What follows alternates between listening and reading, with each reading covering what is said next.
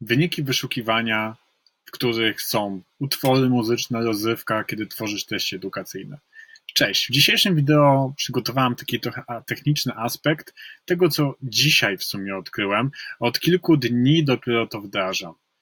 Bo wielokrotnie, kiedy mówiłem komuś, że nagrywam na YouTubie, to padały pytania, ok, jak cię znaleźć? No to mówiłem, ok, po prostu wpisz tam, gdzie chcę na YouTubie i nie znajdziesz. No ale tak to nie działa, ponieważ ten typ mes nagrał identycznie taki sam kawałek.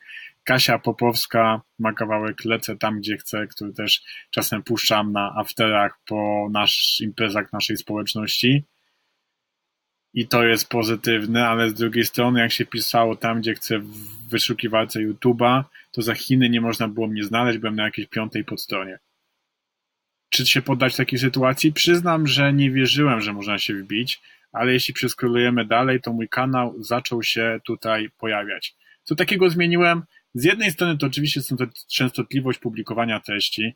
Od 21 dni codziennie wrzucam materiały na YouTube'a.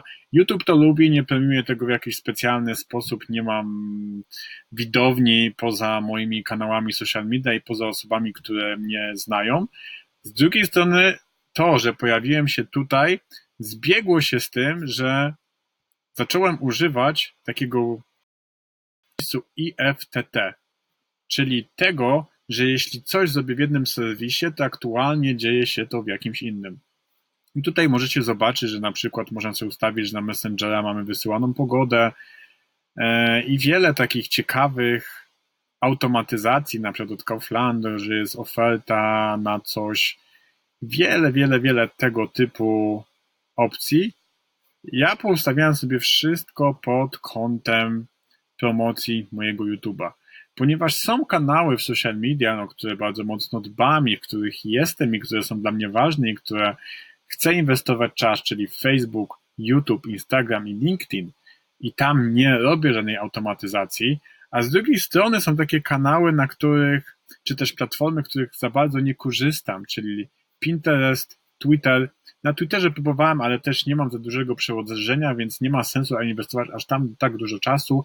Tumblr, Blogger, czyli blog na Google, który też po prostu jest wypełniany automatycznymi treściami z YouTube'a i strona facebookowa, którą w moim przypadku jest Polish Digital Nomad, strona, którą używałem do testowania live'ów, ale jak się okazuje, jakieś osoby też to zaczęły wyszukiwać, też to znajdywały.